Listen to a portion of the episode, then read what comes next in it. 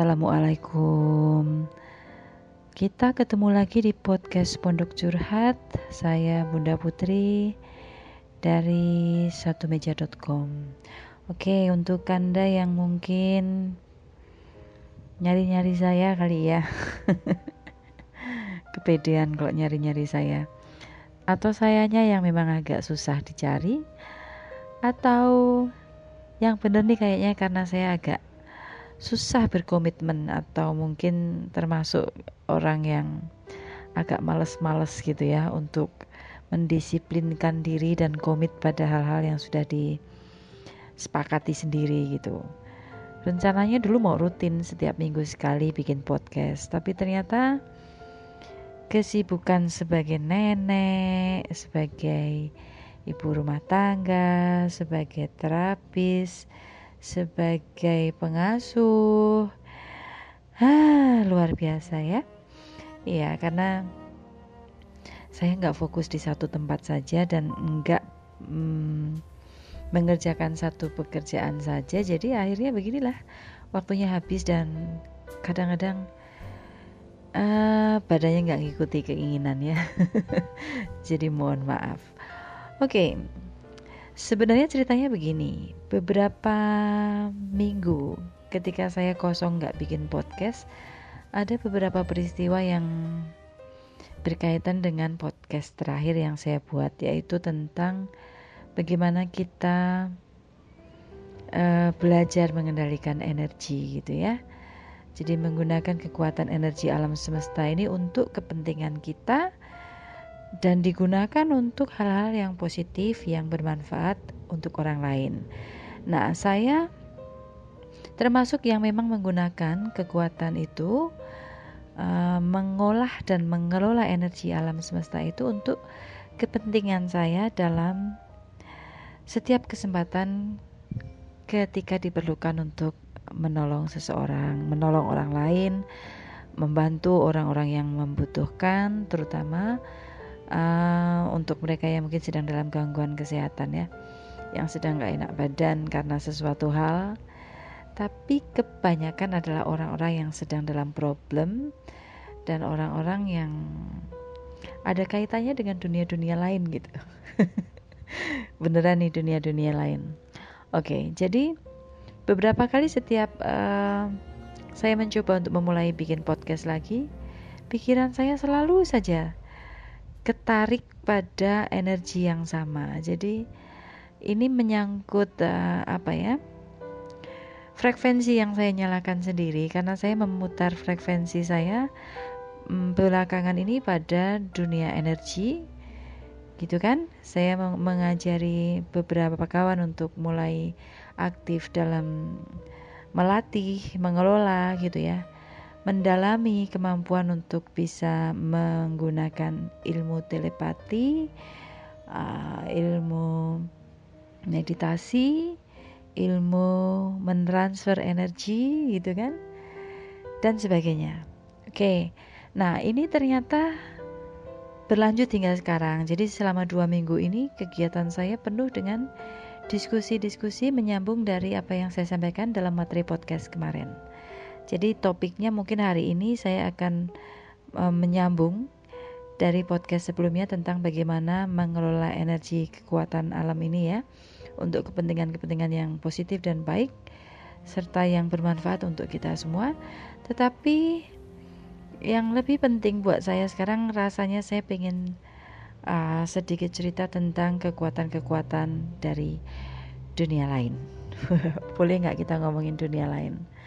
ini kaitannya dengan energi ya karena orang bilang energi itu um, masuknya pada pada dunia spiritual gitu ya tapi kalau orang di luar negeri kan menyebutnya kekuatan-kekuatan goib kekuatan yang tidak nampak energi-energi yang apa ya dahsyat dan hadir di dalam kehidupan kita dibilangnya the spirit gitu kan oke okay, the spirit di sana dunia spiritual untuk kita di Indonesia. Mungkin seperti itu. Saya nggak ingin bercerita tentang yang mungkin uh, suka dilihat di televisi, di acara-acara reality atau banyak ya produksi-produksi uh, televisi yang berkaitan dengan dunia lain ya. Entah entah beneran entah dibikin-bikin entah disetting dulu atau memang uh, true story gitu ya. Uh, bukan seperti itu yang saya ingin sampaikan tetapi melain uh, lebih pada uh, energi lain dari kekuatan-kekuatan alam semesta yang berwujud kekuatan-kekuatan dari dunia lain gitu ya yang datang bersama dengan uh, kekuatan kita. Yang saya maksud adalah kekuatan dari diri kita yang menguasai gitu kan melatih kemampuan untuk menggunakan energi itu untuk kepentingan-kepentingan tertentu. Nah percaya nggak percaya gitu ya? Mau nggak mau kekuatan seperti itu ada. Tergantung apakah anda pernah mengalaminya sendiri ya atau mungkin mendengar dari orang lain atau uh, melihat berita-berita yang kadang-kadang kan banyak diunggah juga di acara televisi gitu ya tentang hal-hal yang viral tentang penampakan tentang kehadiran spirit uh, tentang kehidupan dari dunia lain bahkan dari eh, jejak-jejak alien, UFO dan sebagainya. Oke, okay. saya bercerita tentang bagaimana saya mengalami banyak hal yang berkaitan dengan kepentingan saya saja karena dunia saya adalah dunia yang mungkin agak berbeda dengan kawan-kawan ya. 34 tahun saya berada di broadcast, di radio broadcast tepatnya saya adalah orang yang banyak berkecimpung dalam kegiatan di dunia radio baik dari presenter, bikin skrip, ikut sandiwara radio, bikin iklan, uh, bikin iklan, bikin apa ya? Sorry. um, macam-macam lah kegiatan radio, kegiatan radio kan banyak gitu ya. Tetapi di lain itu saya ada melakukan hal-hal yang berkaitan dengan mengelola energi alam semesta ini untuk uh, mengobati orang lain, untuk membantu orang lain, untuk menolong mereka yang membutuhkan. Oke, terutama karena saya fokus pada menolong orang-orang yang dalam gangguan psikologi, orang-orang yang sedang dalam gangguan mental dan orang-orang yang uh, mungkin sedang galau gitu kan. Orang-orang yang mungkin perlu pendampingan sehingga tidak salah jalan. Oke. Nah, ini yang saya lakukan. Cerita tentang bagaimana uh, saya berkenalan dengan kehidupan lain gitu ya melalui energi-energi yang ada dan datang di dalam kehidupan saya. Mungkin dari awalnya karena uh, faktor keturunan karena leluhur saya kebanyakan eyang-eyang saya uh, saudara-saudara dari uh, keluarga orang tua saya ya. Jadi uh, termasuk sepupu dan yang terakhir cucu saya ya, yang umurnya sekarang baru enam tahun. Uh, kebanyakan dari kami memang sudah memiliki kemampuan seperti itu untuk bisa entah bagaimana mendengar lebih uh, dari apa yang tidak didengar oleh orang lain atau melihat sesuatu yang mungkin tidak ditangkap oleh mata orang lain kan begitu. Ya, kita bukan ahli, kita juga bukan orang yang apa ya sakti gitu ya. Juga tidak berpegangan pada sesuatu yang dibilang jimat atau apa-apa. Dan juga uh, dan juga tidak melakukan ritual-ritual atau um, apa ya puasa-puasa tertentu atau melakukan segala sesuatu yang bisa membuat kita kemudian menjadi punya ilmu atau uh, tiba-tiba memperoleh kekuatan untuk menjadi sakti gitu dan um, cenderung disebut paranormal atau apa enggak Enggak ya, sekali lagi bukan. Karena saya lebih cenderung pada kalau kita diberi kemampuan lebih dan kita diberi ilmu, itu adalah bagaimana kemudian kita mengembangkan kemampuan itu um, untuk apa ya, diaplikasikan pada kehidupan kita, pada pekerjaan kita dan pada aktivitas kita di mana kita um, tinggal atau ya kalau bekerja ya di mana kita uh, apa ya lebih banyak beraktivitas di situ. Dengan kegiatan-kegiatan apakah itu di lingkungan masyarakat di tempat kita tinggal di tempat kita kerja atau di tempat kita uh, beraktivitas sosial di kampus di sekolah atau bagaimana ya. Uh, terutama kalau untuk saya ini adalah bagaimana kita menggunakan uh, kekuatan positif itu dari energi alam itu yang entah kenapa itu menyambungkan saya atau membuka pintu dari dunia lain untuk itu menambah kekuatan supaya kita bisa lebih dahsyat lagi dalam membantu orang lain.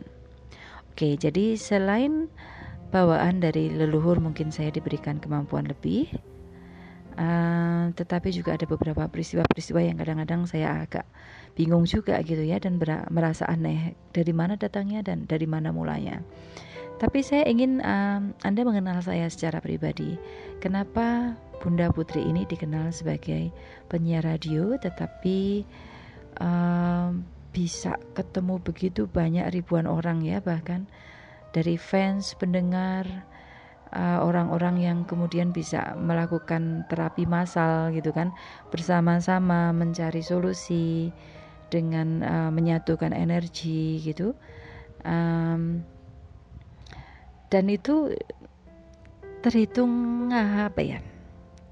Ada fakta dan ada buktinya alhamdulillah bahwa yang kita lakukan sepanjang beberapa tahun ketika saya mulai mengasuh pondok curhat terutama di acara pdkt.com ya di 70 radio station di Indonesia di mana waktu itu disiarkan secara nasional serentak di 70 kota dan uh, disiarkan juga melalui radio streaming di negara-negara uh, lain ya selain di Indonesia. Oke, jadi kenapa saya bilang ada dunia lain yang yang uh, apa membuka pintu untuk masuknya energi alam semesta itu ke dalam kehidupan kita. Nah, kalau Anda mulai mempelajari tentang meditasi, Anda mempelajari tentang telepati, anda mulai mengerti bahwa di kehidupan kita ini kita nggak sendiri, maka melatih diri dalam kondisi kita. Duduk rileks, tenang, seperti ketika Anda melakukan yoga, terutama kalau Anda melakukannya di tempat terbuka gitu ya, uh, terutama pada pagi hari atau malam hari. Anda akan sangat melihat begitu terasa sekali bagaimana uh, alam semesta itu melakukan kontak dengan kita. Ada suara-suara yang kita dengar. Jadi kalau Anda dalam posisi tenang, rileks, fokus, berkonsentrasi, napas Anda teratur gitu ya. Tidak ada yang membebani pikiran Anda, tidak ada yang membuat kening Anda berkerut karena beban-beban dunia dan kewajiban-kewajiban yang mungkin Anda rasa berat gitu karena tanggung jawab sebagai ya mungkin kepala rumah tangga gitu ya. Uh, suami pegawai staf bawahan masing-masing punya tanggung jawab kewajiban pekerjaan bukan nah kalau dalam posisi ketika anda relaksasi anda meditasi duduk seperti itu bisa membuat anda uh, tiba-tiba merasa pergi gitu ya. Uh, pergi meninggalkan hiruk pikuk dunia walaupun anda berada di alam semesta, tetapi pikiran kita gitu, jiwa kita bisa terbang jauh gitu ya, melampaui batas-batas yang ada. Pikiran kita bisa terbang sampai ribuan mil jauhnya, bahkan bisa menyeberangi pulau, menyeberangi samudera, berada di benua yang berbeda sesuai dengan yang Anda inginkan dan seolah-olah kita betul berada di sana. Oke, okay, Duduk meditasi, relaksasi, konsentrasi, fokus. Dengarkan suara-suara dari yang paling dekat hingga yang paling jauh. Ketika Anda mendengar sesuatu, pastikan Anda mengenali kira-kira suara apa itu. Oke? Dalam bayangan Anda nanti ketika mendengar suara itu, maka seolah-olah dalam mata batin Anda Anda akan melihat apa yang bersuara itu. Kemudian Pastikan juga Anda bisa mencium bau-bauan, aroma-aroma yang berubah di sekitar kita duduk, kita meditasi, atau kita uh, relaksasi. Karena kalau kita konsentrasi penuh, fokus, biasanya akan tercium bau-bau gitu ya.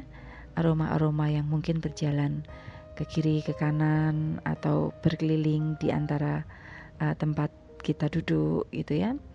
Kadang-kadang berganti-ganti wanginya uh, kalau dibilangnya begini uh, ini mungkin satu orang dengan parfum berbeda atau banyak orang dengan parfum yang bermacam-macam dan jenisnya macam-macam artinya oh ini pasti satu keramaian yang di mana orang yang berada di sekeliling kita ada banyak gitu ya. Oke itu dari mencium wangian. Dan biasanya kalau kita dalam energi yang positif, membuka frekuensi khusus untuk hal-hal yang baik dan positif, maka yang kita cium aroma-aroma yang yang kita hirup di sekitar kita adalah aroma-aroma yang menyenangkan, aroma yang membuat kita tenang, aroma yang membuat kita merasa apa ya? tiba tiba-tiba bahagia, tiba-tiba merasa damai, tiba-tiba merasa sangat santai.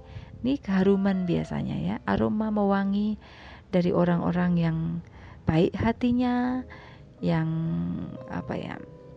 Uh, tinggi budi pekertinya gitu kan. Orang-orang yang luhur biasanya aromanya selalu baik, selalu positif, wangi, rileks dan menenangkan. Damai kalau berada di lingkungan yang dengan aura aroma seperti itu. Oke. Sebaliknya, kalau Anda berkonsentrasi mungkin ada beberapa bau-bau yang memang timbul dari alam sekitar ya mungkin ada bau sampah ada bau uh, rokok ya puntung rokok atau bau orang memasak atau orang um, apa ya hmm, ya mungkin orang-orang yang sedang melakukan hal-hal yang berkaitan dengan uh, kegiatan umumnya gitu ya. Ada mungkin tercium bau kayak knalpot, uh, polusi, ya aktivitas pabrik dan sebagainya atau lingkungan di tempat anda duduk mungkin ada tempat sampah atau atau atau pohon yang sudah apa ya mati atau busuk dan sebagainya. Nah itu aura aroma alam. Nah itu bisa di, dilihat dari rasanya, getarannya, kemudian dari harumnya atau wanginya, atau uh, udaranya. Oke, sekarang kita bicara tentang yang ketiga. Jadi ketika Anda duduk fokus, konsentrasi dalam meditasi dan relaksasi yang Anda lakukan, Anda bisa merasakan apakah udara berubah di sekitar Anda.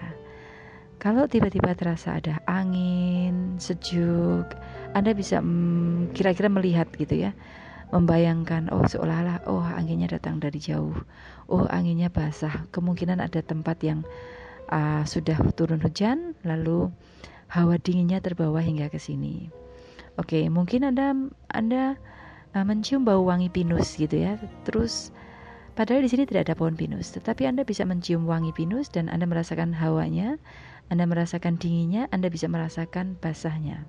Oke ini adalah pelajaran ketika anda uh, belajar meditasi dan berrelaksasi tadi. Selain Anda mendengar, Anda mencium, Anda juga bisa merasakan perubahan-perubahan atmosfer udara di lingkungan Anda. Apakah sesuatu menjadi tiba-tiba dingin? Apakah tiba-tiba suasana menjadi hangat? Apakah tiba-tiba uh, hawanya menjadi sangat tidak nyaman, sangat membuat Anda merasa apa ya merinding gitu ya tiba-tiba bulu kuduk berdiri atau bagaimana atau Anda justru merasa sangat nikmat sangat nyaman karena begitu um, banyak oksigen yang bisa diresap dinya, apa ya dirasakan meresap ke dalam tubuh kita hingga masuk ke dalam otak kita pikiran kita memenuhi paru-paru kita sehingga oksigen oksigen pun bisa masuk ke dalam tubuh kita secara sempurna sehingga kita begitu luar biasa merasa fresh dan betul-betul merasa segar. Oke, nah itu untuk belajar. Dalam ketiga posisi itu, ketika kita benar-benar dalam konsentrasi penuh, kadang-kadang kalau kita membayangkan sesuatu, kalau kita menggunakan frekuensi itu, menyatukan energi yang ada untuk melakukan sesuatu, maka hal itu bisa saja akan terwujud percaya atau tidak, mampu atau tidak, gitu ya, Anda melakukan hal itu ya tergantung keyakinan Anda masing-masing. Karena yang saya lakukan adalah beberapa kali, uh, saya nggak bisa menghitung berapa ratus kali atau ribuan kali. Ketika saya menolong seseorang atau ingin membantu seseorang yang posisinya jauh dari saya, kemungkinan luar kota, luar pulau bahkan ya, um, Yang saya lakukan ketika di radio dulu, saya hanya cukup bicara melalui telepon, kadang hanya membaca melalui SMS tanpa uh, mendengar suara orangnya, kadang-kadang tanpa bertatap muka, tanpa bertemu, tanpa tahu orangnya di mana.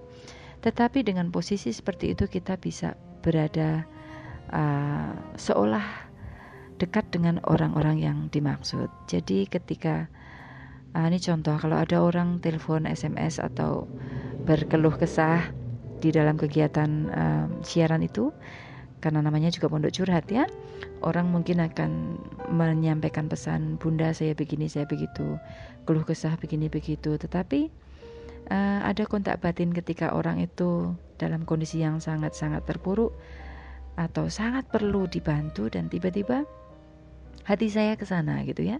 Maka setelah siaran selesai atau kadang-kadang dalam kondisi saya masih on air, saya masih siaran, saya juga uh, tiba-tiba saja gitu ya bisa melompat melakukan entah telepati, entah transfer energi, entah hanya duduk membayangkan dan berkonsentrasi penuh kepada orang yang dimaksud.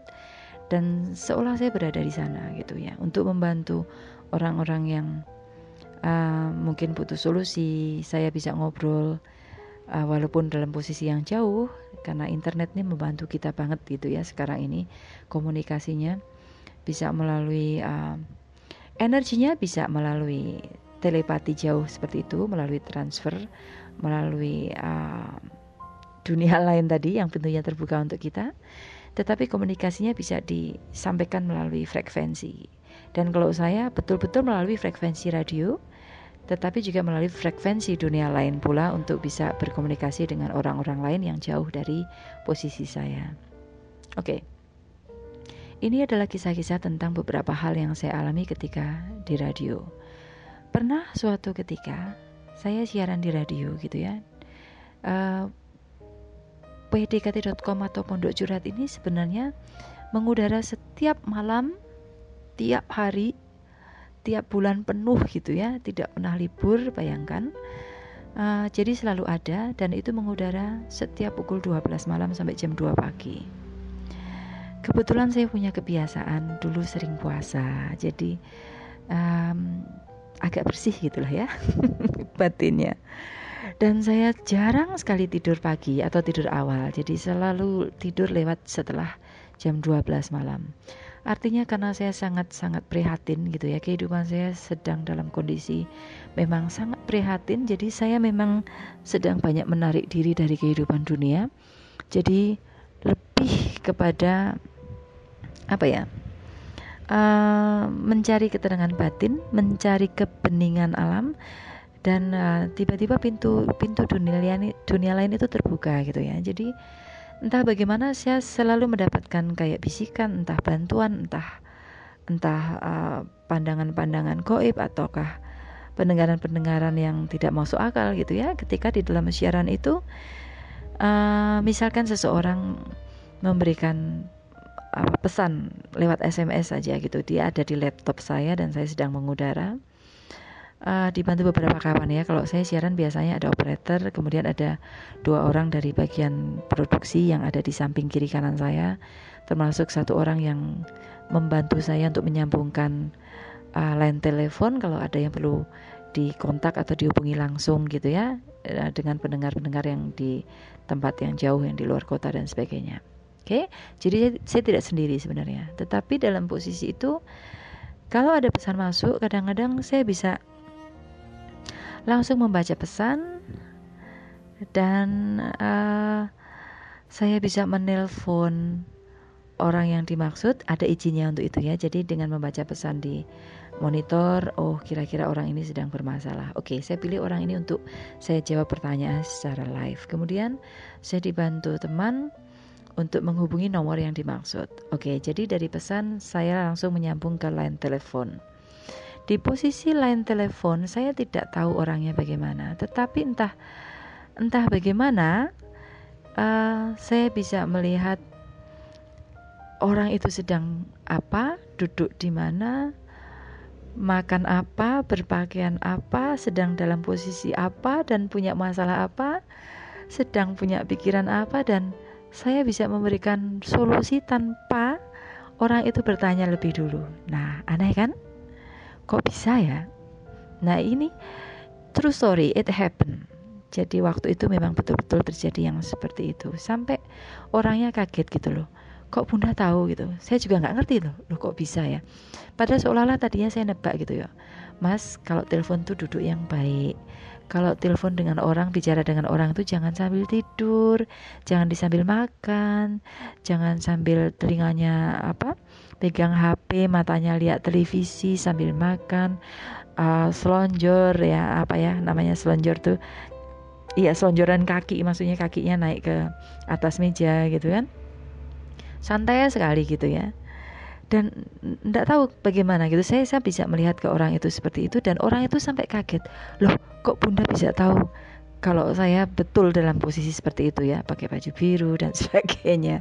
Oke saya juga nggak ngerti. Tapi uh, entah karena bisikan, entah karena bayangan saya, entah karena mata saya, atau entah karena saya membuka frekuensi dan saya menggunakan energi alam semesta itu untuk terbang ke tempat orang yang dimaksud, sehingga saya merasa seolah-olah betul saya di sana dan ketika saya berkomunikasi oleh orang yang dimaksud, memang sedemikian rupa yang saya katakan itu betul adanya gitu ya. Orang itu sedang dalam yang posisi yang saya sampaikan tadi. Oke, jadi kita ngobrol, saya berikan solusi dan um, ternyata solusi itu memang yang dibutuhkan dan yang sedang ingin ditanyakan oleh orang yang dimaksud. Karena orang itu belum tanya masalah saya sudah berikan solusi gitu.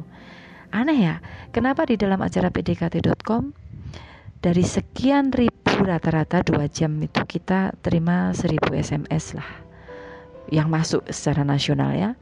Kemudian secara menjawab pertanyaan kita mungkin hanya mampu mengambil acak paling banyak 200 pesan yang bisa kita jawab secara langsung dan cepat.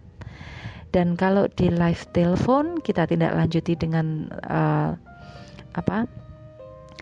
Uh, telepon langsung ya, artinya langsung call ke pendengar itu mungkin hanya paling banyak 25 itu sudah mentok lah. Tapi kita biasanya cuma 10 gitu. Kalau ngobrolnya panjang jadi nggak bisa semuanya. Dan itu berlangsung setiap hari. Sebanyak itu gitu ya. Setiap hari sekian ratus uh, pesan dibaca, sekian ribu SMS yang masuk walau tidak dibaca, termasuk orang-orang yang kemudian datang secara langsung ke studio dan peristiwa-peristiwa dari dunia lain pun ikut juga terjadi di sana. Ini contoh-contoh lagi. Ada satu orang penelpon yang uh, mengatakan begini, uh, Bunda, Terima kasih ya, semalam sudah datang ke tempat saya. Kok semalam? Iya gitu. Jadi ini live dari pesan uh, eh, SMS kemudian ditindaklanjuti dengan telepon ya. Um, apa namanya? Ada komunikasi berlanjut gitu melalui pesan, kadang-kadang juga melalui by, uh, melalui telepon langsung. Tetapi kadang-kadang saya mengudara beberapa menit kemudian ada jawaban gitu ya dan uh, ada di laptop juga. Jadi saya membaca terus pesan-pesan yang masuk um, berkaitan dengan orang yang mengatakan bahwa tadi sore saya datang maghrib gitu katanya maghrib mengetuk pintu uh, ini ini pendengar ini laki-laki gitu ya dia mengatakan kepada saya, Bunda terima kasih sudah datang datang ke rumah saya dan sudah mengobati saya. Hari ini saya alhamdulillah tangan saya sudah tidak bengkak lagi dan saya sudah berapa aktivitas normal. Saya juga bingung gitu ya, kapan saya pernah ke sana dan bagaimana saya mengobatinya? Karena posisi saya saya siaran di Jakarta. Uh, itu di lantai 26 gitu ya di di gedung Gajah Mada Plaza. Saya tinggal di daerah pembangunan otomatis saya lokasinya dekat dengan studio siaran dan saya tidak meninggalkan Jakarta otomatis karena harian saya adalah rutin saya siaran. Tetapi pasien ini mengatakan, sorry, pendengar ini mengatakan bahwa hari itu sore itu itu ya maghrib saya datang ke rumah dia di Sukabumi kalau nggak salah. Uh, mohon diralat kalau kotanya lain atau lupa saya. Tapi saya saya ingatnya itu di Sukabumi. Jadi orang ini tinggal di Sukabumi dia mengatakan bahwa maghrib itu saya datang ke sana mengetuk pintu uh, dan orang itu langsung mengenali kalau itu saya gitu ya. Dan uh, dia mengatakan uh, apa banyak hal tentang masalah dia termasuk kak, tangannya yang bengkak ya, tangannya itu bengkak dan tidak bisa bergerak sudah berapa lama uh, besar kaku sakit ya, tidak bisa digerakkan sehingga uh, dia minta saya untuk mengobati gitu katanya kata orang itu saya ngobrol lama sampai malam gitu ya. Dan kemudian uh, terakhir saya mengobati uh, si orang ini adalah dengan memijat tangannya kemudian saya mengambil entah jarum entah apa katanya ya. Uh, semacam pensil atau full pen saya juga nggak ngerti. Yang kemudian saya apa uh, torehkan gitu ke lengan orang yang sakit ini dan uh, itu ada luka kemudian ada luka dan kemudian uh, membentuk tulisan gitu keluar darah dan membentuk tulisan atau huruf yang dia baca itu Dinda gitu. Dulu orang panggil saya Dinda ya dokter Cinta ya. Bukan sekarang orang panggil Bunda Putri sesudah jadi Eyang ya. Tapi dulu orang lebih lebih sering memanggil saya Dinda dokter Cinta jadi kadang-kadang Bunda Dinda atau Dinda aja gitu. Jadi uh, si pasien ini mengatakan jadi sesudah memijit saya gitu kan, Bunda uh, pulang uh, lalu saya membersihkan luka itu di rumah kemudian saya tidur.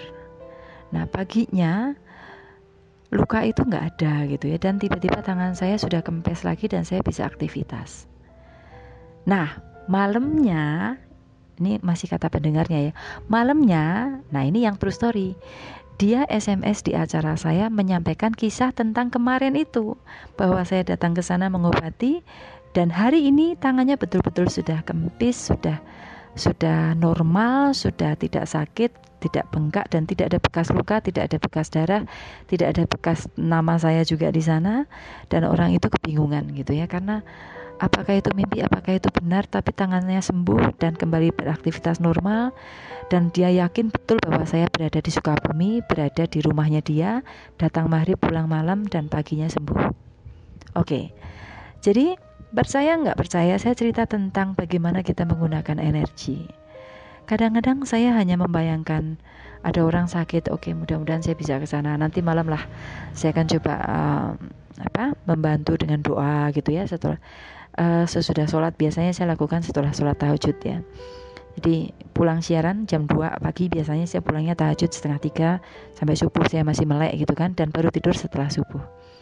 Oke jadi kadang-kadang di dalam posisi itu entah siapa, entah ke mana, entah bagaimana caranya, saya pergi ke mana-mana gitu, membantu orang-orang yang tadi permasalahan-permasalahannya atau problemanya itu dikirimkan melalui pesan-pesan uh, eh, SMS gitu di acara siaran saya. Oke, okay?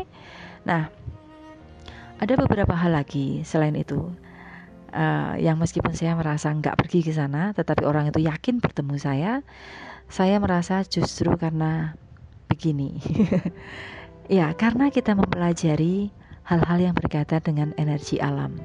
Kita mempelajari kekuatan spiritual kita untuk mengelola energi dari dunia yang kita uh, diami sekarang, termasuk dunia yang lain, dunia lain dalam kehidupan orang lain, karena lain menurut orang lain adalah yang saya maksud.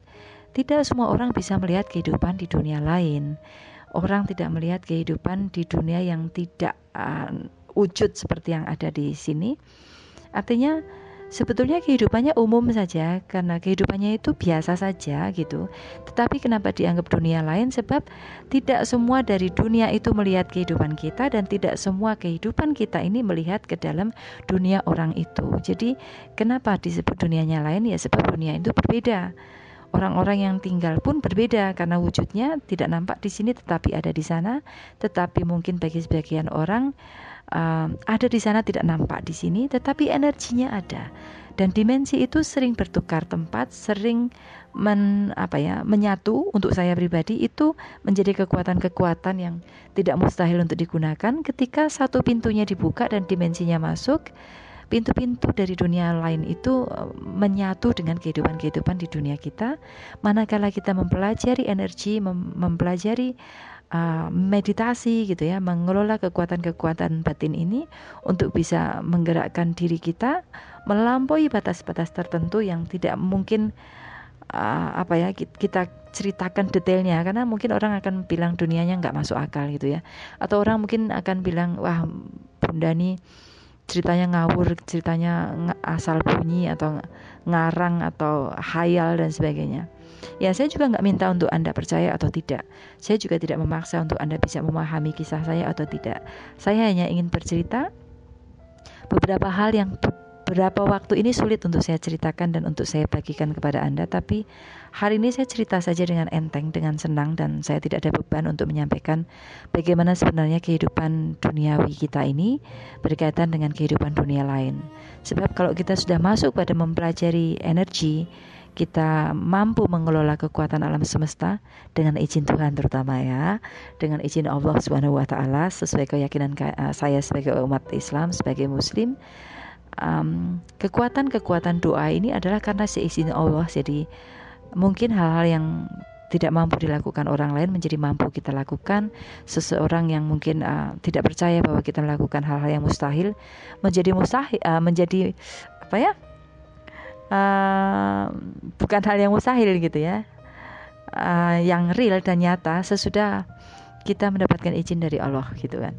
Jadi ya bagi saya tidak ada hal yang tidak ada hal yang mustahil bagi Allah gitu kan? Karena segala sesuatu itu um, tidak mustahil baginya untuk diwujudkan dalam kedunia uh, dalam keduniaan ini. Jadi uh, diwujudkan dalam dunia yang nyata ini dan dan itu saya alami berkali-kali. Oke, jadi silakan uh, Anda dengarkan podcast ini kalau Anda tertarik atau kalau Anda merasa saya saya bercerita tentang sesuatu yang khayal tidak masuk akal atau tidak enak untuk didengar dan tidak ingin apa Anda lanjutkan lagi untuk mendengar ya matikan podcastnya. Tapi untuk Anda yang sedang belajar uh, energi Anda sedang belajar betul bagaimana untuk um, apa ya mengelola kemampuan Anda menyatu dengan alam semesta untuk menjadikan keinginan Anda apa pun itu uh, terwujud dengan menggunakan kekuatan itu ya mari kita teruskan. Saya bercerita contoh-contoh lagi. Ini dua hal yang tidak masuk akal ya. Tadi kalau siaran kok bisa begitu? Meditasi serentak hipnotis serentak kayak pengobatan massal gitu ya hipnoterapi lewat udara lewat frekuensi lewat siaran radio. Kok bisa ratusan bahkan ribuan orang serentak bisa mendengarkan perintah yang sama? Bisa mendapatkan transfer energi yang sama? Bisa mendapatkan pencerahan yang sama jadi bisa tiba-tiba menghilangkan persoalan, uh, kesedihan, kemarahan, kebencian pada pada menit yang sama muncul kekuatan baru untuk semangat lagi move on, menemukan jalan baru, menemukan cahaya, menemukan kekuatan, menemukan petunjuk untuk tiba-tiba bisa merubah suasana atau atmosfer itu dari yang sebelumnya gelap bisa tiba-tiba menjadi terang benderang. Karena merasa mendapatkan jalan gitu ya, mendapatkan rasa optimis, mendapatkan rasa uh, semangat karena ada harapan-harapan yang mungkin bisa menyelesaikan masalah-masalah yang tadinya dirasakan oleh orang-orang yang sama-sama mendengarkan acara pdkt.com. Aneh kan? Ya, oke. Okay. Ini salah satu cerita lagi. Berkaitan dengan kekuatan-kekuatan energi. Kemarin kita cerita tentang bahwa energy attracts alike.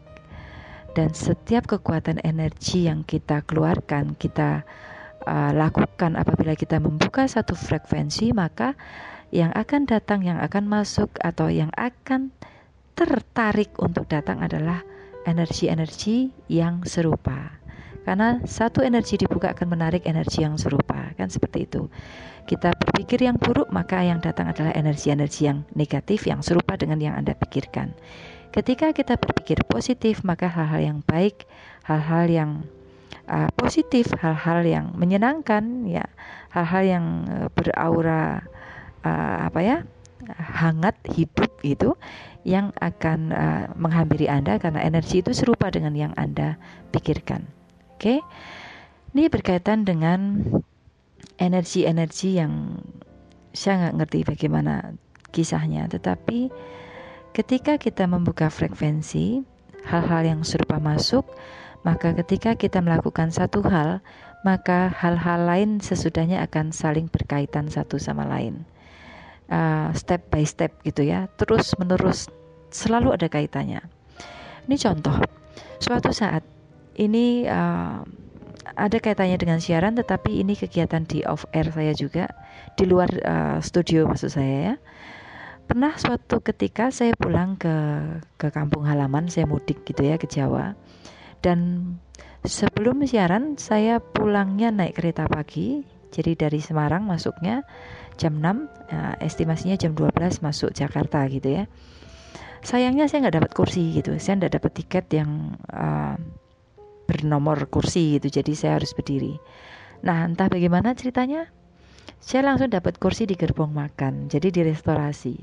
Di restorasi justru saya mendapatkan kursi yang nyaman, dapat hidangan gitu ya, dijamu oleh kawan-kawan yang tiba-tiba menraktir saya secara gratis walaupun saya nggak kenal, duduk di sana bernyanyi-nyanyi bersama karena ada fasilitas karaoke dengan staf di kereta api, pramugari, petugas, termasuk dengan beberapa penumpang dari um, apa gerbong-gerbong lain yang nggak dapat kursi kemudian ngumpul di situ dan ini orang-orang yang saya rasa mereka punya punya sesuatu yang lebih gitu ya. Lebih lebih orangnya lebih jabatannya lebih rezekinya lebih lebih segalanya mungkin ya. Karena yang saya temui di restorasi itu orang-orang yang berbeda bukan orang-orang yang biasa. Oke satu hal dari ceritanya adalah contoh saya bertemu dengan seorang eksportir eksportir apa inspok oh dia kerja di ekspor impor gitu ya kalau nggak dia eksportir tapi dia juga importir juga Oke, okay. eh, dia bukan owner tapi staff juga uh, uh, yang memiliki pengaruh juga. Jadi orang yang cukup cukup punya jabatan di situ. Uh, tinggalnya di Semarang. Saya nggak pakai nama ya. Saya hanya menyampaikan kisah true story dan ini mudah-mudahan tidak menyinggung orangnya karena saya nggak menyebut nama. Tetapi ini adalah story yang saya sampaikan tentang energi-energi yang berkaitan. Oke. Saya bertemu orang itu di restorasi, ngobrol dari pagi sampai makan siang, sampai turun di uh, Gambir di stasiun kereta. Oke. Dari ngobrol punya ngobrol, orang ini tiba-tiba menghampiri saya lalu ngobrol begini. Bunda, apakah Bunda termasuk orang yang uh, kaitan profesinya kayak dokter psikologi atau gimana dan bisa menolong orang? Loh kok bisa? Uh, saya pengen minta tolong boleh nggak gitu. Jadi orang ini dia bercerita tentang uh, dia sudah punya istri, dia punya anak satu perempuan. Terus dia menceritakan uh, tentang kondisi istrinya yang sering sakit itu sakit dan sakitnya tuh aneh. Sakit adalah setiap kali dia berbuat salah. Wah ini kata si bapak itu ya. Tapi sakitnya tuh kok aneh gitu kalau saya minta maaf sembuh. Kalau saya nakal lagi nanti sakit lagi. Nah ini dia ceritanya lucu. Jadi si ceritanya si bapak ini adalah setiap kali dia melakukan satu kesalahan, saya sampaikan saja, setiap kali selingkuh gitu ya, setiap kali dia mengkhianati istrinya, maka mas meskipun ditutupi atau walaupun istrinya tidak tahu, tapi entah bagaimana seolah-olah tahu sebab setiap kali bapak itu selingkuh maka istrinya sakit berat. Dan lalu is, istrinya tuh uh, sampai opnam gitu ya sakitnya parah dan suaminya langsung sadar jangan-jangan karena aku selingkuh gitu. Jangan-jangan karena aku begini karena aku melakukan dosa jadi aku sudah menyakiti istriku. Dan nanti sembuh ketika dia minta maaf. Oke ini sekali terjadi gitu ya. Dua kali terjadi. Lalu yang ketiga kalinya terjadi istrinya tidak sembuh gitu ya. Lalu ketemu saya. Oke dia minta tolong apakah betul karena karma?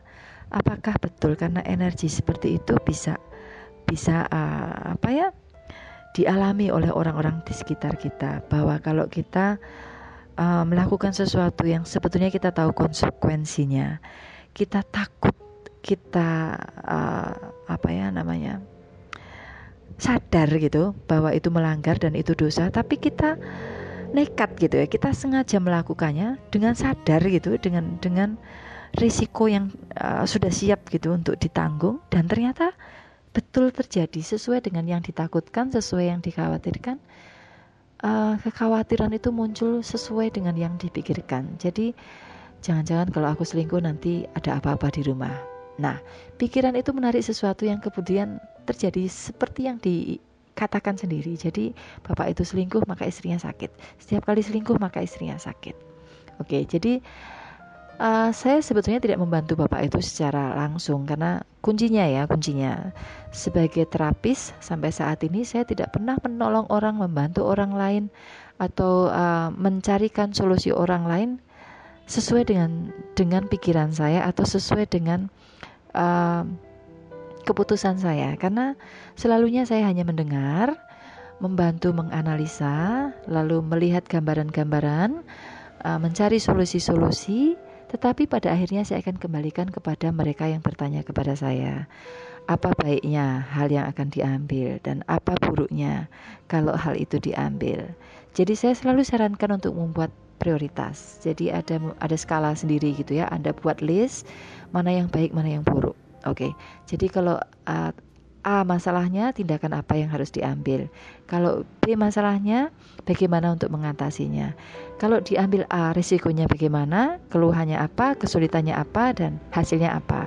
Kalau diambil B, maka kira-kira permasalahannya akan seperti apa, hasilnya nanti akan bagaimana, konsekuensinya bagaimana, dan apakah Anda mampu atau tidak melakukannya. Itu kembali lagi kepada Anda.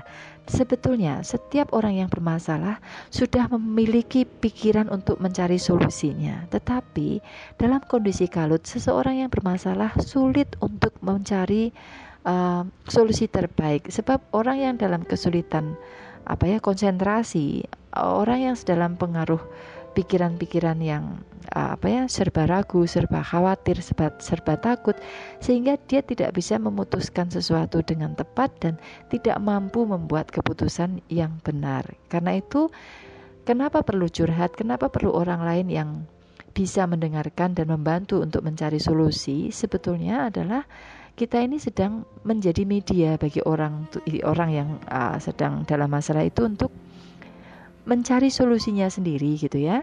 Membantu dia rileks membantu dia tenang membantu dia menemukan fokus dan konsentrasinya lagi sehingga ketika ia bermasalah ia membuat uh, solusi-solusi uh, dan kita hanya membantu dia untuk kemudian membuat keputus keputusannya sendiri sehingga dia bisa mengambil solusi yang tepat dan melaksanakannya sendiri.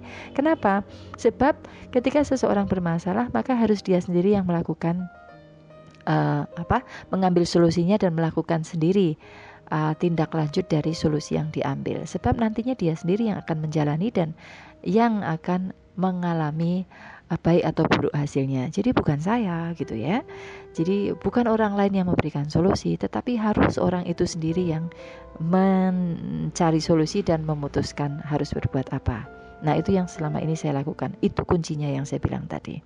Oke, balik kepada cerita si bapak yang di kereta api tadi, mengatakan dirinya uh, punya masalah dengan istri yang sakit dan selalu parah setiap kali dia selingkuh dan apakah itu benar atau tidak? Sebetulnya saya hanya menggiring dia untuk membuat jawaban sendiri bahwa keputusannya atau kesimpulannya harus pada kata-kata beliau sendiri. Dan akhirnya dia mengatakan sepertinya iya bunda. Kalau begitu mulai hari ini saya janji tidak akan pernah selingkuh lagi.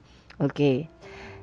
uh, dia minta tolong saya bagaimana untuk membersihkan energi negatif membersihkan pikiran-pikiran buruk uh, membersihkan energi yang negatif pada istrinya juga dan alhamdulillah istrinya sembuh. Dia juga sudah tidak selingkuh lagi. Oke. Okay? Ini perkenalan yang lucu dan saya berteman dengan bapak itu. Kemudian beberapa lama kemudian di suatu saat saya siaran, ini tiba-tiba pesan masuk. Si bapak itu lagi gitu ya. Walaupun saya sudah sekian bulan saya tidak berkomunikasi dan tidak ketemu, saya hanya ketemu sekali ya secara fisik dengan beliaunya uh, dia bercerita tentang anaknya yang sakit. Gitu. Anaknya yang sakit. Dan dia sangat khawatir karena dia sangat sayang pada anaknya itu ya. Kenapa dia perlu merasa bunda saya minta tolong bertemu dengan bunda. Harus gitu ya tolong bantu saya. Oke kemudian saya telepon gitu ya di luar acara tadinya di awal di awal itu dia menghubungi saya lewat radio jadi lewat program lewat udara di mana orang secara live mendengarkan gitu ya. Jadi saksinya banyak sekali. Oke oke uh, tindak lanjutnya kemudian saya telepon by phone uh, ngobrol dan di luar siaran juga saya berkomunikasi dan uh, akhirnya dia sampaikan bahwa dia selingkuh lagi. Dan ketika dia selingkuh sekarang yang menjadi korban adalah anaknya. Jadi energinya sama. Kalau kita menarik energi sesuai dengan yang kita pikirkan, maka yang terjadi akan sama dengan yang kita khawatirkan atau kita pikirkan itu. Oke. Okay? Dulu dulu setiap kali selingkuh istrinya sakit, maka ketika berjanji tidak selingkuh dan kembali selingkuh, maka sekarang anaknya yang sakit. Oke. Okay? Balik lagi saya membantu beliau ini sampai uh, anaknya sembuh dan janji lagi untuk yang dua kalinya tidak akan selingkuh. Oke. Okay? Saya akan cerita untuk yang bagian ketiga ini bagian paling seru nih. Bagian yang paling seru adalah tentang bagaimana uh, peristiwa selingkuh terjadi lagi. Ini cerita ketiga. Oke, sebentar saya mau bernapas dulu sebentar, oke? Oke, saya perlu minum dulu sebentar tadi ya. oke, jadi karena karena peristiwa yang ketiga ini seru. Jadi uh, pagi ketika saya uh, subuh gitu ya saya dapat SMS itu ke nomor pribadi saya. Uh, si bapak ini bilang bunda sepertinya saya ada masalah dan boleh nggak saya ketemu bunda? gitu. Loh bapak di mana? Uh, masih di Semarang. Oke masalahnya apa lagi? Saya sudah feeling. Saya sudah feeling ini orang ini pasti selingkuh lagi atau ada masalah lagi gitu. Oke? okay? Uh, saya bilang hari ini saya siaran pak. Jadi kalau mau bapak datang silakan. Tapi kelihatannya saya nggak mungkin bisa menemani atau menemui anda gitu ya. Karena jadwal saya padat siang siaran malam harus kembali lagi ke acara pdkt.com otomatis saya akan berada di studio sampai jam 2 pagi kan gitu. Oke terus uh, saya, saya singkat ceritanya maghrib gitu ya. Sudah sampai maghrib. Maghrib tiba-tiba ada pesan masuk lagi. Bunda uh, ini saya mau terbang ke Jakarta. Saya harus ketemu bunda. Ini kalau saya nggak ketemu bunda kalau nggak saya bunuh diri saya mau bunuh orang katanya. Nah bagus kan ceritanya saya harus ketemu bunda. Kalau tidak ketemu bunda, kalau enggak saya bunuh diri, saya pasti akan bunuh orang. Tolong bunda temui saya. Ini saya belum menganggap serius ceritanya orang ini. Orang dia di Semarang dan saya di Jakarta gitu ya. Bagaimana ceritanya mau bunuh diri atau bunuh orang kan? Oke. Lalu malam saya siaran gitu ya. Biasa jam 12 malam kan saya siaran untuk pdkt.com. Uh, tiba-tiba gitu. Tiba-tiba ketika saya siaran itu ada security dari bawah. Jadi itu kan di Gajah Mada Mall ya uh, gedung saya siaran.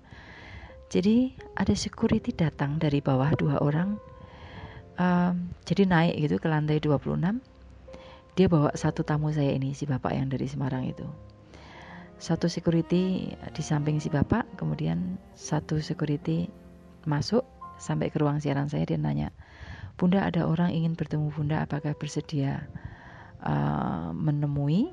Dan apakah betul Bunda kenal orang ini? Karena di atas jam 10 mall sudah tutup ya mall sudah tutup di atas jam 10 malam. Dan yang buka itu hanya studio kami sama diskotik di bawah kami dulu. Ngeri ya tengah malam ada diskotik di bawah. Ada night club lagi. Aduh kita siarannya di atas. Dunianya mengerikan memang waktu itu jadi kalau malam-malam ketemu orang apalagi apalagi saya perempuan dan tamunya laki-laki tengah malam security pasti akan ambil bagian gitu ya mengamankan. Betul nggak bunda ini tamunya? Kenal nggak bunda dengan orang ini? Dan apakah akan diterima atau tidak gitu? Jadi uh, karena sudah sampai di situ ya ternyata orang itu betul terbang dari Semarang dan sampai ke Jakarta betul gitu. Jadi uh, karena saya masih siaran saya bilang kalau saya masih siaran. Kalau Bapak sabar tunggu di luar artinya di di ruang tamu ya bukan di ruang siaran. Tunggu sampai saya siaran selesai artinya dua jam lebih nih Bapak tunggu di situ uh, nanti saya akan temui Bapak. Jadi saya nggak ngerti juga nih saya saya nggak ngerti masalahnya saya nggak ngerti kisahnya. Saya hanya berpikir nih orang gedenya segitu kan tinggi besar gagah betul orangnya masih muda gitu ya. Saya hanya berpikir nih orang kalau didiemin daripada nanti bunuh orang kalau enggak dijawab nanti jangan-jangan mau bunuh diri tapi kalau mau bunuh diri kok enggak mungkin gitu ya. Karena gagah besar gitu masa mau bunuh diri ya kan? Oke saya saya siaran saya tetap konsentrasi tetap fokus tapi pikiran saya juga kepada si bapak ini. Oke uh, siaran selesai pukul 2 pagi uh, saya ngobrol dengan teman-teman satu tim uh, kemudian uh, saya saya bawa si bapak ini ke ruang tamu. Jadi uh, Sesudah itu betul saya dapat ceritanya. Jadi ceritanya ini adalah selingkuh yang kesekian kalinya sesudah berjanji bersumpah gitu ya. Di depan saya tidak akan pernah mengulangi karena takut setiap kali perbuatannya itu di uh, apa lakukan selalu ada karma di rumah terhadap istri anak gitu ya. Jadi nggak mau lagi. Tapi ini entah kenapa jatuh lagi saya bunda gitu. Jatuh jatuh jatuh lagi sama pramugari katanya jadi ini kenalnya tuh di udara karena pramugari gitu. Terus lama-lama kecantol juga. Nah oke. Okay. ceritanya kemudian dia menjalin hubungan dengan si pramugari ini. Lalu uh, entah bagaimana ceritanya hari ketika dia telepon saya pagi kemarin pagi berarti ya dia punya feeling bahwa si ceweknya ini ada indikasi nggak bener nih ya nah karena uh, dia bilang ada masalah gitu ada ada persoalan ada problem sehingga dia perlu uang gitu. Kalau enggak salah saya ingat tuh 18 juta rupiah itu saya ingat 18 juta rupiah.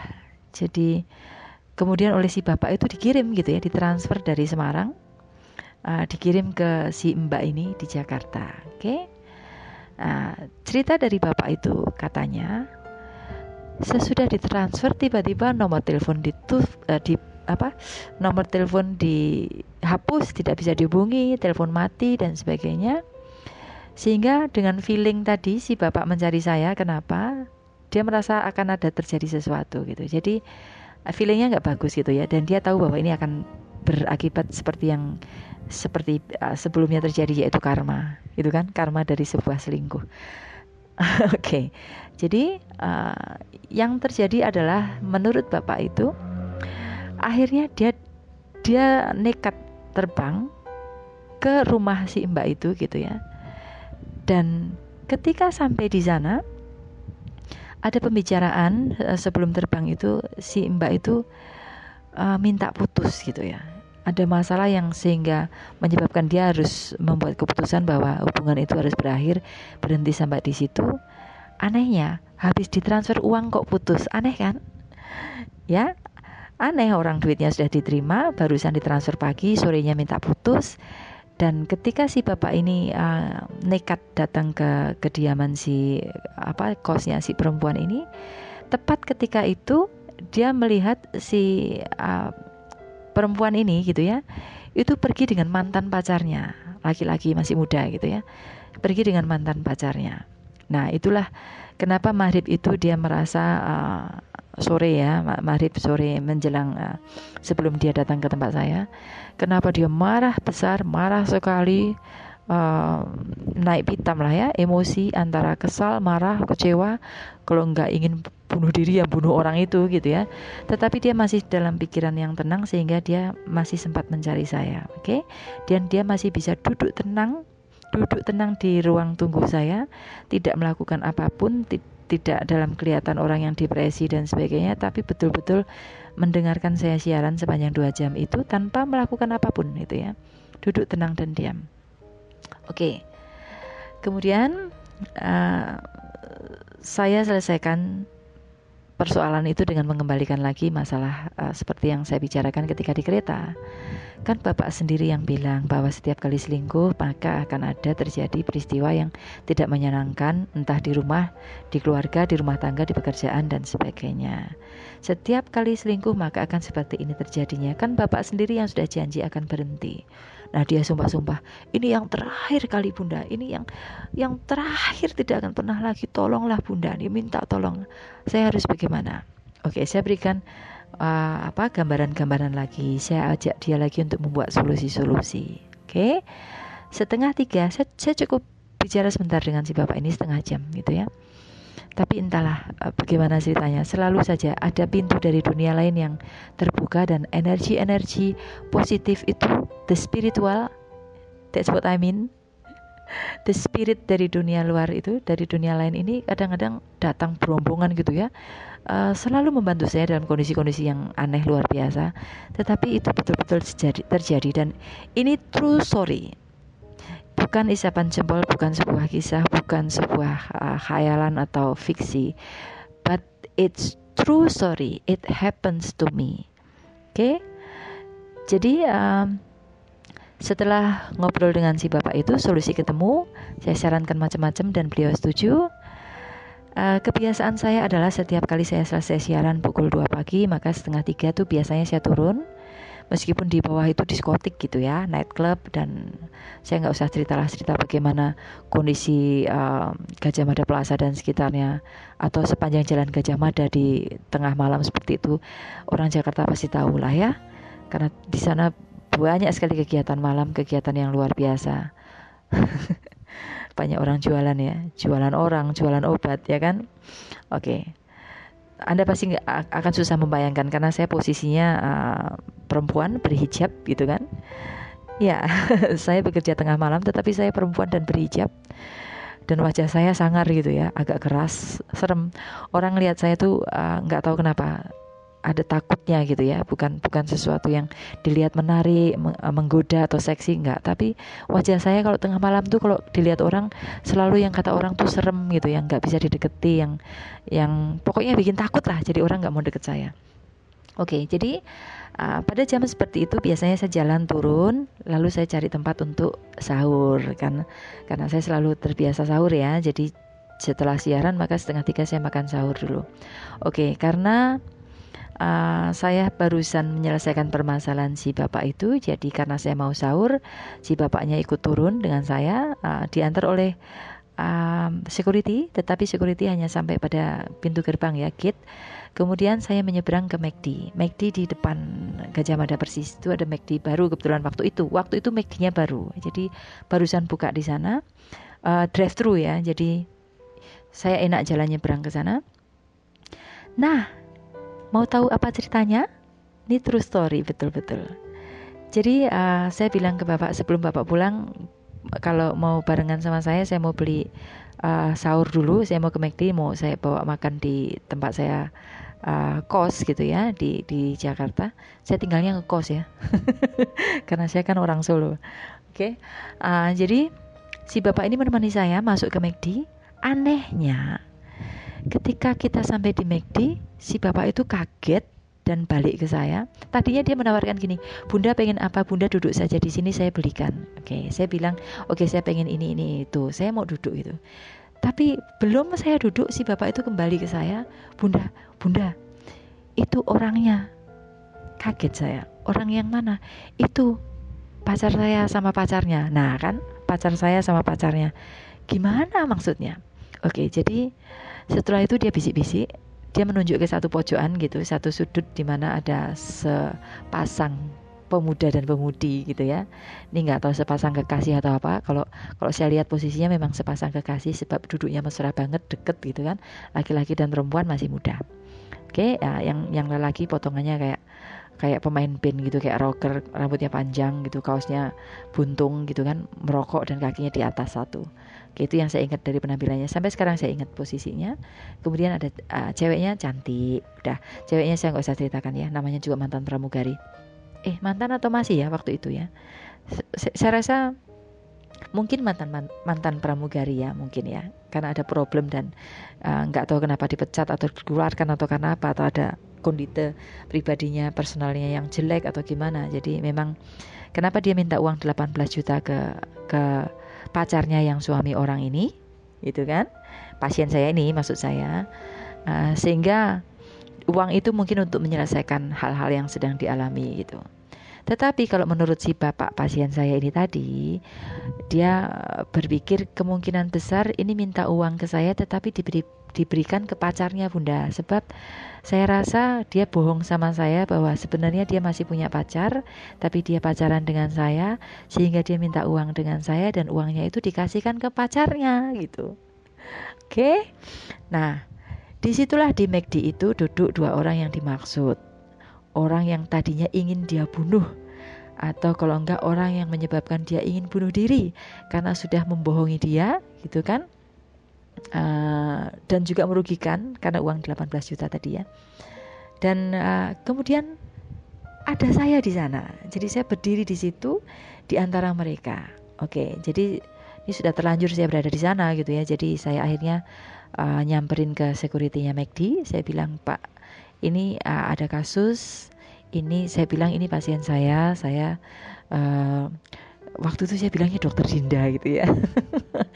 Uh, saya kerja di situ saya baru saja ngisi acara di di radio gitu saya bilang uh, ini dalam dalam apa pendampingan saya nih bapak ini agak stres jadi mohon uh, Bapak awasi saja, ini ada masalah. Masalahnya dengan dua orang di depan saya itu, Pak. Jadi saya minta izin saya akan selesaikan dengan cara saya sendiri, tapi insya Allah saya selesaikan dengan baik itu. Jadi tinggal Bapak awasi saya sajalah. Kalau ada apa-apa atau ada sesuatu, Bapak boleh ambil tindakan. Tetapi sepanjang saya tidak melakukan sesuatu atau tidak ada peristiwa yang uh, perlu ditakuti, uh, Bapak cukup mengawasi saya dari jauh. Oke, jadi akhirnya oleh security, ya Bu silahkan. Saya juga menyuruh si pasien saya ini tadi untuk duduk dekat dengan security ini, Bapak duduk dengan security ini, biarkan saya yang menyelesaikan uh, persoalan ini dengan mereka. Jadi akhirnya saya datang ke pasangan ini tadi. Saya bilang e, Mas uh, Mbak gitu kenalkan saya Rinda gitu kan. Uh, saya dapat cerita ini ini ini ini ini ini bener nggak? Gitu. Si perempuan nih rupanya kaget gitu. Kok bisa tahu ceritanya persis tentang uangnya tentang hubungannya dengan uh, apa ya suami orang dan sebagainya. Dan si laki-laki yang di depannya itu lebih kaget lagi gitu. Lebih kaget lagi. Sebab bagaimana saya bisa tahu semuanya gitu ya tentang bahwa ternyata dia yang selama ini menyuruh pacarnya ini untuk cari uang entah mungkin untuk narkoba atau apa gitu ya. Jadi si, si cewek ini akhirnya mencari uang tuh untuk pacarnya gitu ya. Termasuk dengan memacari suami-suami orang gitu kan. Nah oke okay, karena tadinya dua-duanya mengelak dia bilang e, mbaknya ngarang gitu ya si ibu ngawur oh, jangan main tuduh bu dan sebagainya. Lalu saya panggil si pasien saya tadi pak sini pak. Nah, securitynya ada jauh di belakang ya. Terus pasien saya saya kenalkan ke orang ini. Ini mbak orangnya mbak kenal orang ini? Gitu. Dia bilang kenal. Diem saja. Si masnya itu mas tahu? Saya bilang ke masnya itu mas tahu si mbak ini pacarnya si bapak ini. Bapak ini baru saja tadi pagi mentransfer uang ke mbak ini. Di, dikemanakan uangnya? Gitu. Dikasihkan ke mas ya gitu. Jadi ada banyak hal kisahnya yang terjadi di situ. Ini sekitar sedikit saja dari sekitar yang saya uh, alami waktu itu gitu ya. Ya usut punya usut akhirnya semuanya clear. Dan uh, keputusan yang diambil adalah selesai hari itu juga. Karena saya saya malas gitu ya untuk untuk terus menjadi satu orang yang harus dipanggil atau diajak ke sana ke sini untuk menyelesaikan permasalahan mereka. Jadi saya ingin selesai pada hari itu juga. Dan saya tawarkan begini. Selesai pada hari ini tidak akan ada orang bunuh diri. Selesai pada saat ini tidak akan ada orang yang dibunuh. Jadi tidak ada korban. Semuanya baik, semuanya selesai, semuanya aman. Tetapi dengan kesepakatan maka uh, hari ini diakhiri, maka semuanya harus sesuai dengan keputusan pada hari ini. Keputusan yang dibuat adalah si perempuan ini mengakui bahwa memang dia mengambil uang dari si bapak itu diberikan kepada si lelaki uh, pacarnya ya. Dan si lelaki itu berjanji bahwa sebaiknya tidak melakukan hal itu lagi, gitu kan?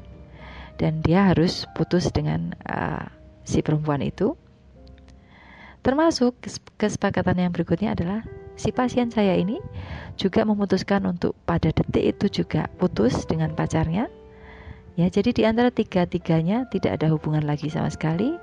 Termasuk uang yang sudah diambil tadi si bapak ini merelakannya, tidak akan menuntut, tidak akan minta balik, tidak akan lapor ke polisi, kalau mau lapor polisi juga salah sendiri ya Pak karena kan ada persoalannya selingkuh ya kan? Jadi kalau sudah begitu ya memang harus ikhlas semuanya harus lepas. Ini kalau dilaporin tiga-tiganya menjadi salah. Kalau kalau mau diselesaikan secara hukum tiga-tiganya juga menjadi orang yang uh, apa ya uh, di pihak yang bersalah. Jadi semuanya salah lah ya. Jadi artinya lebih baik kita selesaikan hari ini semuanya baik-baik saja dan semuanya pulang dalam kondisi terbebas dari keterikatan satu sama lainnya. Oke? Okay? Jadi ya begitulah yang terjadi teman-teman. Semuanya selesai dengan baik. Uh, apa uh, begitu saya bilang selesai saya panggil security sudah pak tidak ada masalah lagi gitu si pasien saya pergi ke kasir untuk membayar pesanan sahur saya Nah, dan ketika saya duduk menunggu, nih dua orang muda-mudi ini langsung kabur tanpa pamit, tanpa lihat belakang lagi, ngacir gitu ya, nggak tahu ke mana mereka pergi. Oke, terakhir saya mendapatkan salam tempel dari pasien saya. Saya dapat makan sahur untuk saya sendiri, nah, dan semuanya pulang dengan happy. Seru nggak ceritanya? Oke, ini adalah satu dari sekian ratus cerita true story teman-teman yang saya bisa sampaikan ceritanya uh, satu demi satu, kisah demi kisah yang kecil, yang sepele atau dari kisah-kisah yang luar biasa sulit gitu ya atau sampai ke peristiwa-peristiwa yang besar yang ketika saya alami ini sebetulnya adalah ketika saya berusaha menolong orang lain dengan menggunakan kekuatan energi alam semesta. Saya menggunakan frekuensi yang sebenarnya karena saya penyiar radio maka menggunakan frekuensi radio untuk mengudara, tetapi sesungguhnya saya juga sedang menggunakan frekuensi telepati dan frekuensi energi alam nyata di dunia um, apa ya kita tinggal artinya di universe di alam semesta kita ini. Tetapi ternyata dengan mempelajari itu semua entah karena apa dengan karunia Allah Subhanahu wa taala saya mendapatkan bantuan dari dunia lain dan pintu-pintu energi itu terbuka sehingga mereka-mereka yang saya nggak tahu ya, bagaimana apa ya wujud rupanya atau bagaimana cara hadirnya atau bagaimana cara mereka menolong saya. Tetapi ada banyak hal yang saya alami dengan bersatunya uh, energi dari dunia lain dan energi dari alam semesta ini yang nampak dan tidak nampak ini menjadi kekuatan tersendiri bagi kita ketika kita fokus, kita konsentrasi dan kita meniatkan diri kita untuk mengelola kemampuan itu, menggunakan kemampuan itu untuk satu hal yang manfaat dan menolong orang lain yang membutuhkan tanpa pamrih, tanpa minta bayaran dan tanpa um, apa ya melakukan bisnis secara duniawi. Karena menolong kan lillahi ta'ala ya namanya menolong dengan kekuatan yang diberikan Allah maka rezekinya adalah ya terserah mereka yang ngasih. Karena kalau dapat rezeki ya alhamdulillah berarti kan itu rezeki Allah yang diberikan uh, kepada kita melalui orang-orang itu. Kalaupun tidak ada yang ngasih ya alhamdulillah juga. Setidaknya kita sudah menabung untuk amal akhirat kita. Kan begitu Oke, jadi ini sequel kedua dari uh, ilmu mempelajari energi, bagaimana mengelola kekuatan energi alam semesta untuk mewujudkan hal-hal yang baik dan positif di dalam kehidupan kita. Apakah itu cita-cita Anda di dalam kehidupan uh, apa ya? Uh, berkeluarga, berumah tangga, atau mungkin yang belum, bagaimanakah mewujudkan energi ini digunakan untuk uh, meraih cita-cita di dalam pekerjaan, uh, jabatan, popularitas, kesuksesan, kesuksesan karir, ataupun uh, kemudahan-kemudahan di dalam mencari rezeki dan sebagainya. Oke, okay? kalau ingin uh, lebih dalam lagi tertarik mempelajari bagaimana mengelola energi untuk hal-hal yang Anda inginkan, silahkan ikuti terus podcast Pondok Curhat yang bisa Anda ikuti melalui satumeja.com slash pondok curhat.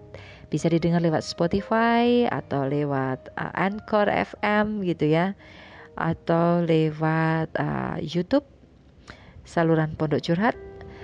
Dan kalau ada email yang mungkin Anda perlu uh, pakai untuk mengirimkan pertanyaan-pertanyaan atau komentar, saran, masukan dan sebagainya ke saya pribadi, silahkan kirimkan melalui email uh, saya di alamatnya pondokcurhat at aol.com Oke, alamatkan uh, semua komentar, kritik, saran, pertanyaan Anda ke pondokcurhat at aol.com kalau ada waktunya saya akan ambil satu dua saya pilih satu yang menarik yang kita bisa bahas untuk uh, materi podcast berikutnya Mudah-mudahan cerita hari ini menarik melalui podcast. Ambil yang manfaat, buang yang tidak berguna. Kalau tertarik lanjutkan, kalau ini tidak ada manfaatnya untuk Anda jangan dengarkan. podcast dari saya, Bunda Putri, Pondok Curhat, Satu Meja. Assalamualaikum semua.